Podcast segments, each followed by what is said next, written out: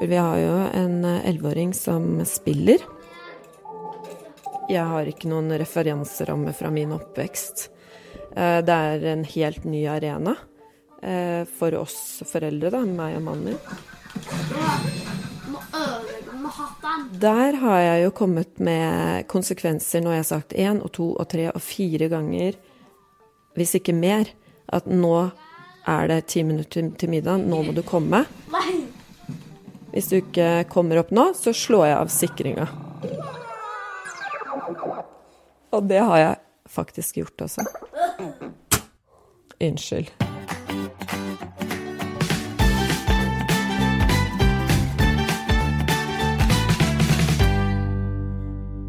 Velkommen til en ny episode av Foreldrekoden. Vi skal snakke om barn som blir lovet en is hvis de kler på seg i en fei.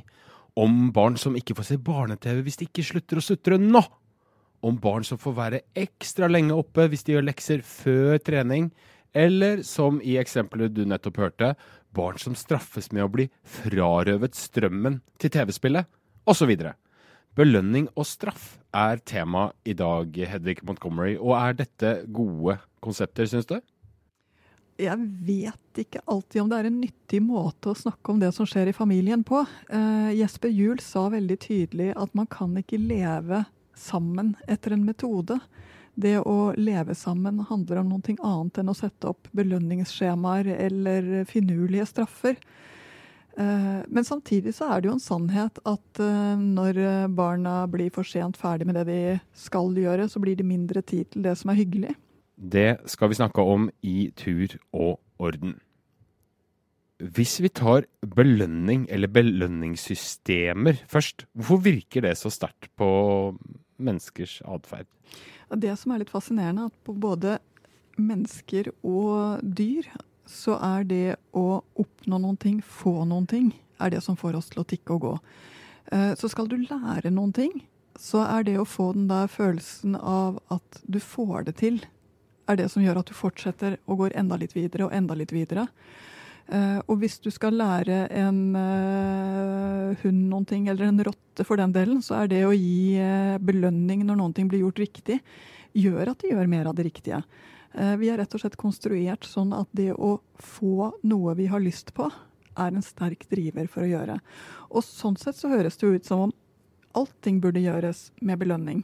Eh, men det som er litt fascinerende, det er at for at belønning skal virke, både på mennesker og rotter, så må det gis på riktig måte. Eh, det vil si at det må gis for avgrensede, lett målbare ting. Og det må gis ganske øyeblikkelig etterpå. Og så kommer det pussige. Når du har fått den du prøver å få til å gjøre noe, til å gjøre det, så må du ikke gi det hver gang. fordi at da blir det altfor fort gjort å slutte med det hvis du ikke får belønningen. Så dette er en hel vitenskap som atferdsanalysen beveger seg innenfor, og som har mye for seg, rett og slett fordi det tapper rett inn i dette her, hva er det som får oss å tikke og gå. Problemet med det er at det fort blir for skjematisk, og at det blir for mye det blir for mye vekt på de tingene som kan måles og gis en rosin for eller en sjokolade for. Det aller meste av det som skjer i en familie, er verken så godt definert eller egnet for sjokolade og rosiner. Jeg tenkte på dette du sa med dyr. altså eh, Da jeg var i uh, akvariet i Bergen i fjor sommer, så var jo disse fantastiske sjøløvene som hadde sine gla glansnummer. Og de får jo fisk hele tiden. Hver gang de har klart det. Og det er vel kanskje det som gjør at de i det hele tatt gidder, gå ut ifra. Ja, altså Det å slå baklenges salto uten å få en fisk eh, føles nok ganske bortkastet for de fleste sjøløver. Men de er jo trent ved at de for hver gang de nærmer seg det å gjøre det riktige, og kommer nærmere og nærmere, så har de fått uh, fisk helt til de får det når de gjør det helt riktig. Så dette er et, en intrikat måte å trene opp dyr på. Uh, og som vi jo til en viss grad også bruker mer eller mindre bevisst i alle menneskelige relasjoner. Jeg må si at når uh, kjæresten min uh, rydder kjøkkenbenken, så er det mer sannsynlig at jeg er begeistret for ham på en måte som han setter pris på, enn hvis han ikke har gjort det. Så dette er jo en, uten tvil noen ting som ligger i oss alle sammen. At vi gir hverandre en form for belønning når vi får det vi ønsker oss. Men når blir det da ja, et misbruk eller en, feil måte å bruke det på? Tenk litt på det. Hvis du lager sånn 'nå skal jeg trene opp mannen min eller kjæresten min til å rydde bedre hjemme', eh, når er det det tipper til ikke å være et romantisk forhold lenger, og til å bli et eh, lærer-elev-forhold? Eh, hvis du sier at 'nå skal jeg trene opp barnet mitt til å vaske hendene før maten, altså den type ting. Når er det du går fra å være noen ting du lærer barnet som er en ålreit læring, til å bli noen ting som du gjør mekanisk og, og mer som mot barnet enn med barnet? Mm. Så det er finstemte ting. For det er klart vi skal bruke belønning. Det er klart vi skal bruke det å dele begeistring. Det er klart vi skal bruke det å si åh, så utrolig flott at du fikk til alt det der. Vil du ha en kopp kakao? Kom og sett deg i sofaen sammen med meg som er belønning. Hva er det man egentlig sier til barna ved bruk av belønningssystemer? Hvis du er flink, flink og sitter lenge ved bordet, kan du få se på iPad etter middag? Jeg vet ikke hva man sier, men det, men det er jo noen ting som gjør at dette ikke fungerer så godt som vi skulle kunne ønske oss. Eh, en av de tingene som gjør at det ikke fungerer så godt som vi skulle ønske oss, det er at det vi tenker på som en stor belønning, ikke nødvendigvis er det for barna.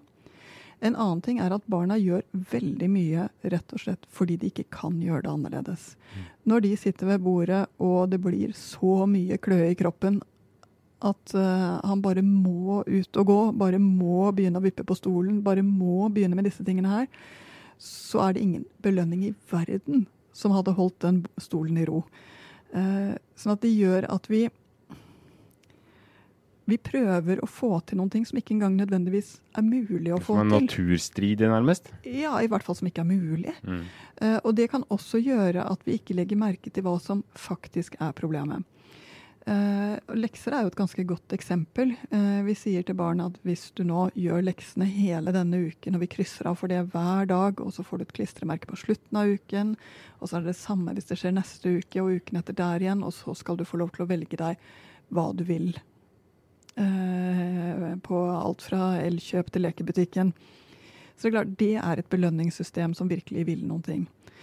Eh, problemet er at det kan være så mange grunner til at leksene ikke går.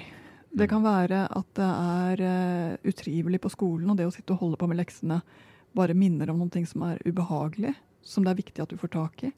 Det kan være at leksene ikke går fordi de er for vanskelige. At det rett og slett ikke er mulig for barn å gjøre dem. Det kan være en lærevanske som ikke er oppdaget. Det kan være at barnet eh, opplever eh, at det blir holdt utenfor eller mobbet, og, og, derfor ikke vil gjøre noe skoleting. Noe av det som er problemet med slike belønningssystemer, da, det er at de stopper den naturlige samtalen. Hva er det som skjer her? Hva er det som gjør at dette ikke går? Eh, hvor er det det stopper opp for deg? Det stopper stopper den voksnes nysgjerrighet, og det stopper forelderens hjelpefunksjon, og blir istedenfor en dommer og en som belønner eller straffer. Og det er problematisk, fordi da får du ikke hjulpet barnet sånn som du egentlig vil. Du vil vite hvis noen ting er vanskelig. Mm. Men hvordan skal man, samtidig som føler man jo at man bør få ting gjort, så hvordan i dette eksempelet ditt, hvordan skulle man angrepet dette her eh, da? For det første, legg til rette for at dere får gjort leksene når barnet ikke er altfor slitent, og, eh, og, etter at dere har spist, og etter det at det er litt ro rundt det. Hjelp med barnet med å komme i gang. Hva er det for noe du skal gjøre i dag? Skal vi bare se på det litt fort sammen? Se at uh, hun kommer i gang. Uh, hjelp også barnet til å avslutte, sånn at hun ikke blir sittende for lenge. Uh, barn som sitter for lenge med leksene, blir bare helt utslitt av det og får et veldig dårlig forhold til det.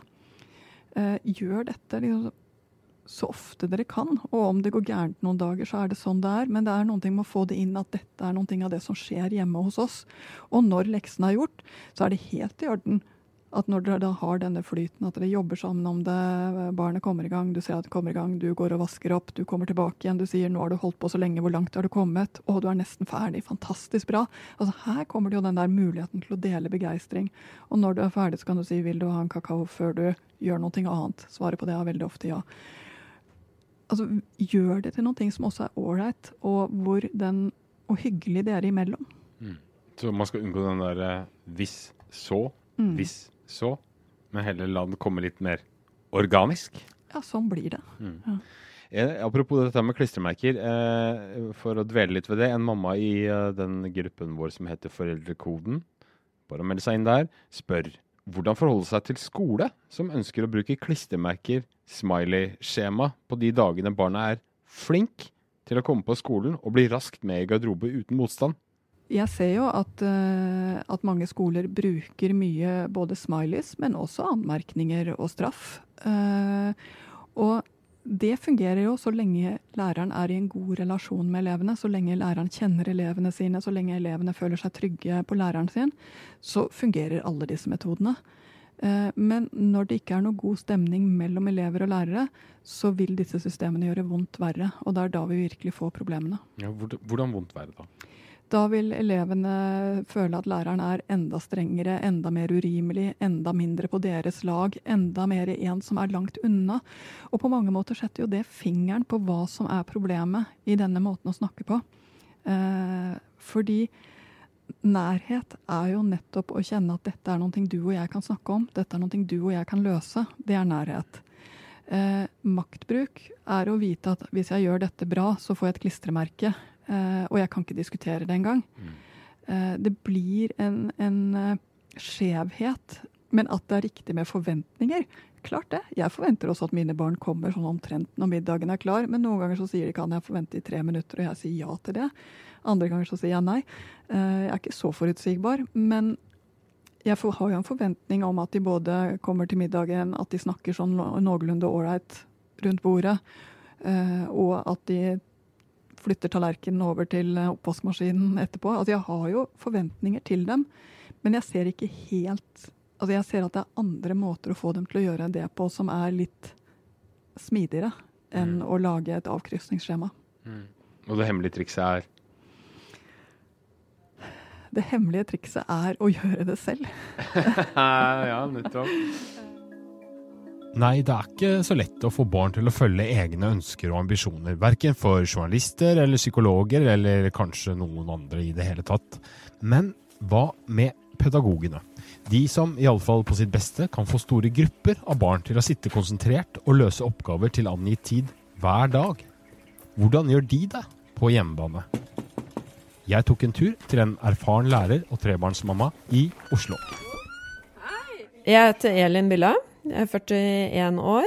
Eh, jeg har tre barn på tre, syv og elleve. Jeg syns det er mye enklere å sette grenser som eh, profesjonell lærer. Og det beror på at eh, det er yrket mitt, og det er Jeg planlegger dagene på jobben, og jeg kjenner elevene, jeg kan observere elevene. Jeg har et fugleperspektiv, jeg har kollegaer jeg kan eh, spare med hvis jeg kommer opp i situasjoner hvor jeg trenger støtte og råd. Eh, mens i mammarollen så Har hun også full kontroll og kustus, eller? Jeg har lokka med både rosiner og saft, og jeg vet de ikke skal ha med seg leker i barnehagen. Jeg bare ja ja Ta med deg den bilen. Vi må komme oss av gårde. Jeg har jo sagt ting som eh, Hvis du ikke kommer hit nå, så får du ikke lørdagsskatt. Og så er det lørdag om tre dager, og jeg vet jo så godt at ikke det fungerer. Det har jo ingenting med saken å gjøre. Hvorfor skjer det? Jeg tror det er uh, veldig mye uh, følelser, og det kan koke. Og det kan ha vært en lang dag på jobb. Jeg kommer hjem, skal lage middag. Det er tre barn som løper rundt med veldig ulike behov. Eh, og da blir eh, situasjonen mye mer kaotisk enn den gjør på skolen. For der har du overblikket, og du kan observere. Du har mange muligheter, da. Som du kanskje skjønner, det var nettopp Elin som du også hørte i starten av episoden. Du vet, hun med sikringsboksen som sanksjon mot uh, sønnens TV-spilling. Som du også skjønner, Heller ikke lærere har nødvendigvis knekket koden for belønning og straff og oppførsel og atferd på hjemmebane. Men innimellom glimter Elin og metoden hennes til. Da var det syvåringen som Han ville ikke på skolen. Det, det rakna helt for han. Han gråt. Han hadde fått nye joggesko. De skulle på, og jeg forberedte ham på forhånd at hvis det er snø, så kan vi ikke ha på de skoene. Og så er han trøtt i tillegg. Og da klarte jeg, selv om vi skulle ned eh, og ut døra, å sette meg ned på huk og si til han Jeg forstår hvordan du har det. Jeg har også dager hvor jeg ikke har lyst til å gå på jobb. Jeg har også gått på skolen og kjent på at nei, jeg vil ikke gå på skolen i dag. Jeg har bare lyst til å være hjemme med mamma eller pappa. Eh, så jeg forstår deg så godt, men vi må gå på skolen. Og det fungerte. Det var en del gråting på vei bortover. Så fortsatte jeg å peppe han, og så ga det seg. Du fikk ikke så dårlig tid selv, da? Da Nei, nettopp. Fordi jeg hadde noe å gå på.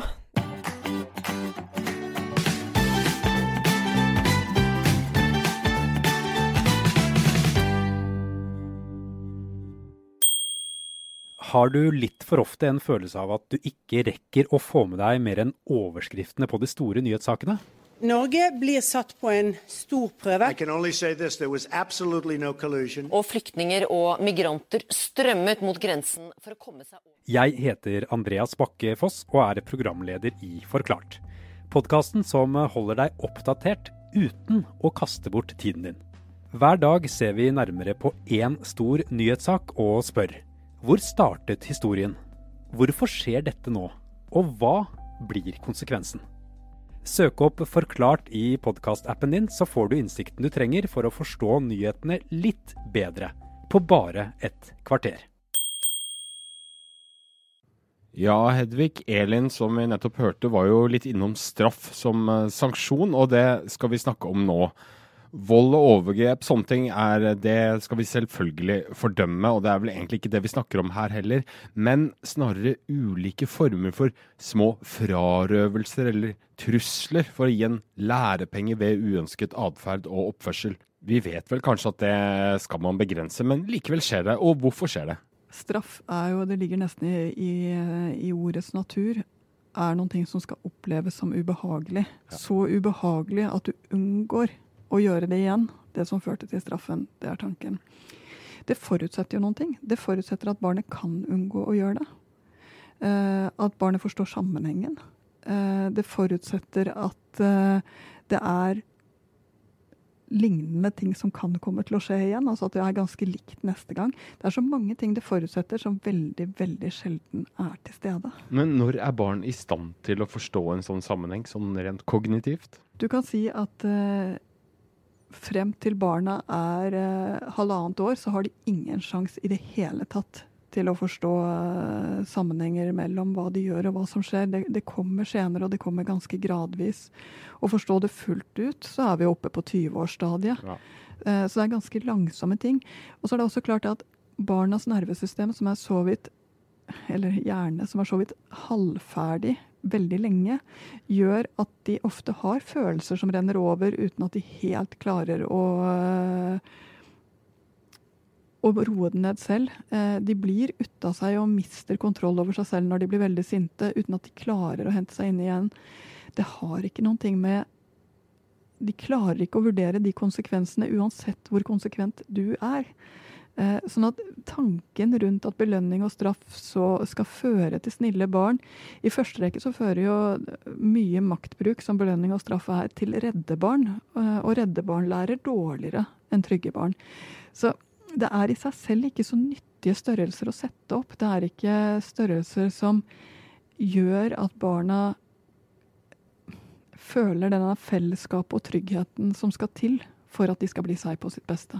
Men på kort sikt så kan det jo ha en eh, effekt ut ifra hva du er helt avhengig av å oppnå akkurat nå.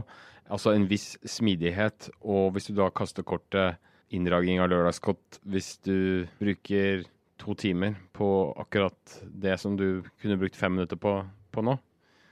Eller? Nå må jeg bare si at for at straff skal fungere, så må det ha en eller annen form for sammenheng med det som skjer. jo, jo. Uh, og, der har du litt av problemet. Hva hadde lørdagsgodtet med, med, den tirsdag morgenen å gjøre? Du, du, får fort denne type problem. Og når lørdagen kommer, så, ja, så kjøper du jo det godteriet allikevel. Mm. Uh, så veldig ofte så står vi jo der og kommer med mer tomme trusler mm. enn det vi kommer med, med ting som er helt sant. de færreste har planlagt for en oppdragelse tufta på belønning og straff eller pisk og gulrot. Likevel så ender man gjerne opp i det hjørnet. Og, og hvorfor skjer det? Altså På en måte så er det fordi det ligger litt i vår natur. Uh, vi, uh, når ting går bra, så blir det jo belønning. Og vi ser at alle strekker seg til belønninger.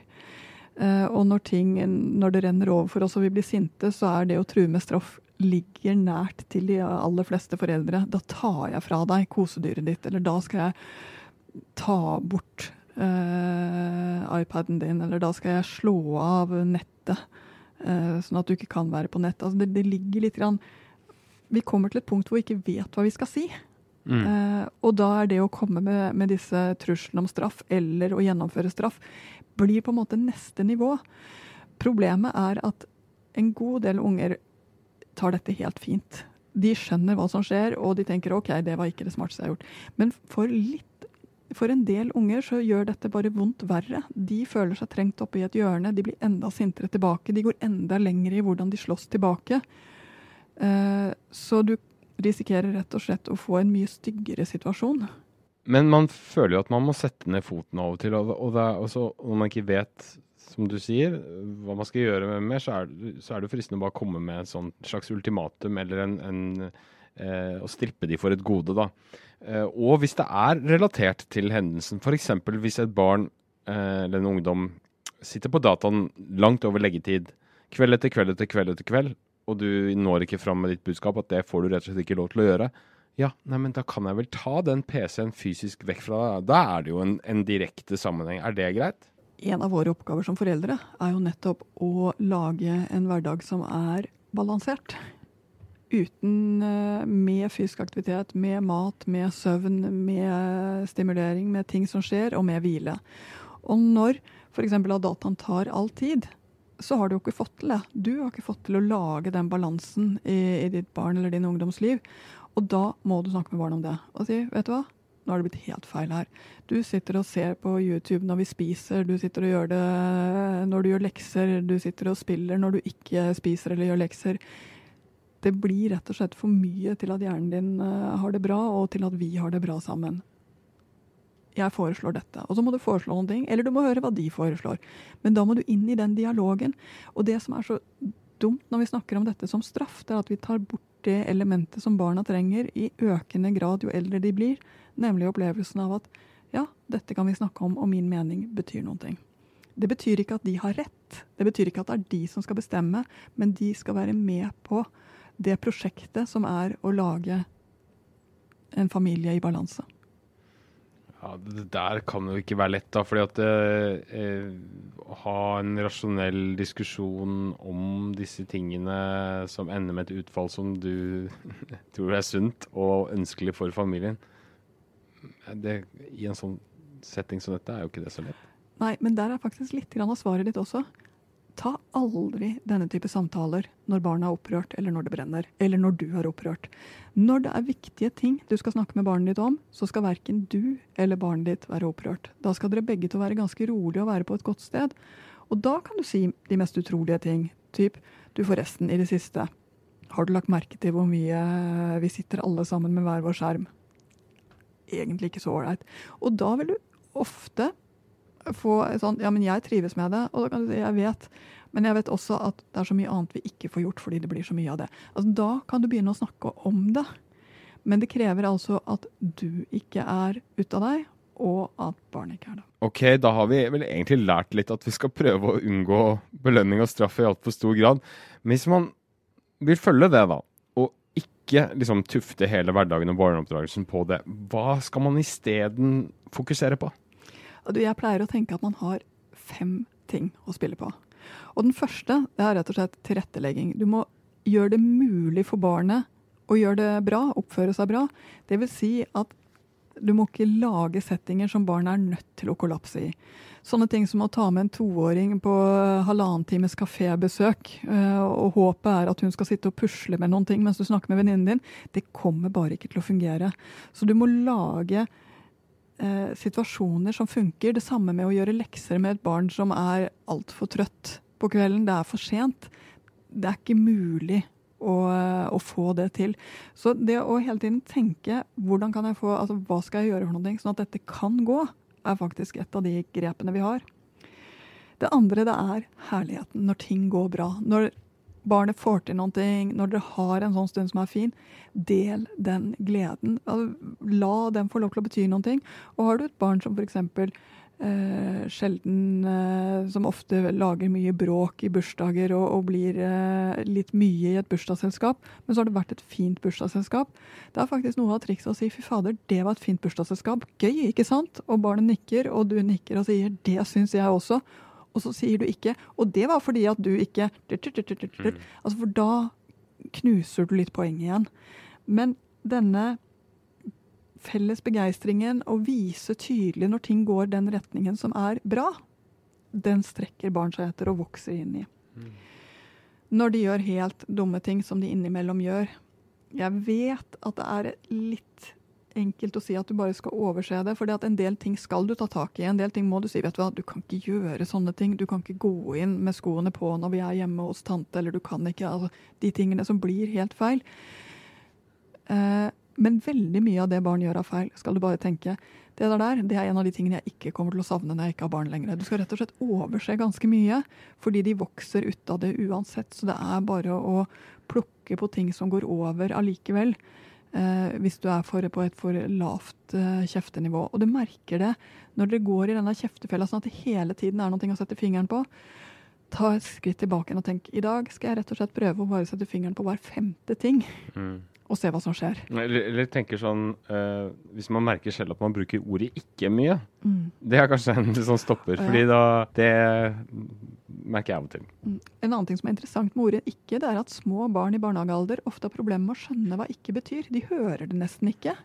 Så når du sier ikke, ikke gå på gressplenen, så hører de mm -mm, gå på gressplenen, og så går de på gressplenen. Mm. Eh, for den der negasjonen er faktisk ganske krevende å få med seg. Det var interessant at du sa min sønn, han sier f.eks. når han har veldig lyst på eh, brødskive med banan, så sier han ikke brødskive med banan nå. Ikke sant? Er det det? Han har, sånn, han har ikke helt grep om det vanskelige, for ordet ikke er et ganske komplisert ord. Ja. ja. Så det er nok forklaringen på det. Og da er det jo deilig, for da gir du ham selvfølgelig brødskive med banan. Det gjør jeg. Men jeg avbrøt deg. Du var kommet til punkt tre i fempunktsplanen din. Hadde ikke det? Ja. Eh, overse mer er punkt tre. Ja. Punkt fire er forebygg de store katastrofene. og det betyr at du har festet bokhyllene til veggen hjemme, og at du rett og slett unngår de situasjonene at barna har på seg flytevest når dere går ned på brygga. At du gjør de tingene som skaper sikkerhet, sånn at du slipper å være bekymret for barnas sikkerhet, eh, og dermed eh, virkelig blir en som, eh, som blir engstelig hele tiden. Siste punktet, og jeg vet at dette er kjedelig, men jeg sier det allikevel. Barn gjør som du gjør på et eller annet tidspunkt. De kommer til å sette inn i oppvaskmaskinen på samme måte, de kommer til å brette håndklærne på samme måte, de kommer til å dekke på på omtrent samme måte, og de kommer til å spise omtrent den samme maten. Du må aldri glemme at ditt eksempel trumfer nesten alt du sier og all annen oppdragelse du gjør. Mm. Ja, Hedvig Montgomery, vi pleier liksom å ha en sånn oppsummering til slutt, men du har jo du oppsummert litt underveis. Men hvis jeg spør rett ut hva er egentlig problemet med konseptet belønning og straff? Hva vil du svare da? Altså jeg ville svare For det første så skjer belønning og straff hele tiden. Det som er problemet når vi gjør det til et system, til at vi lager en, et oppsett rundt det, det er at de voksne går fra å være noen som barna opplever ting sammen med og er med, til å bli lovbøker og håndhevere, dommere. Barn trenger en nærhet og en nysgjerrighet mye mer enn de trenger en dommer.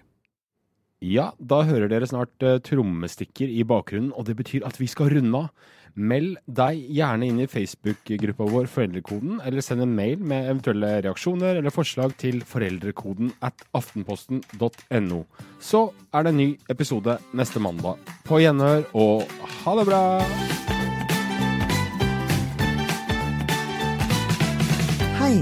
Du som hører på Foreldrekoden, har sannsynligvis barn hjemme nå som barnehager og skoler er stengt.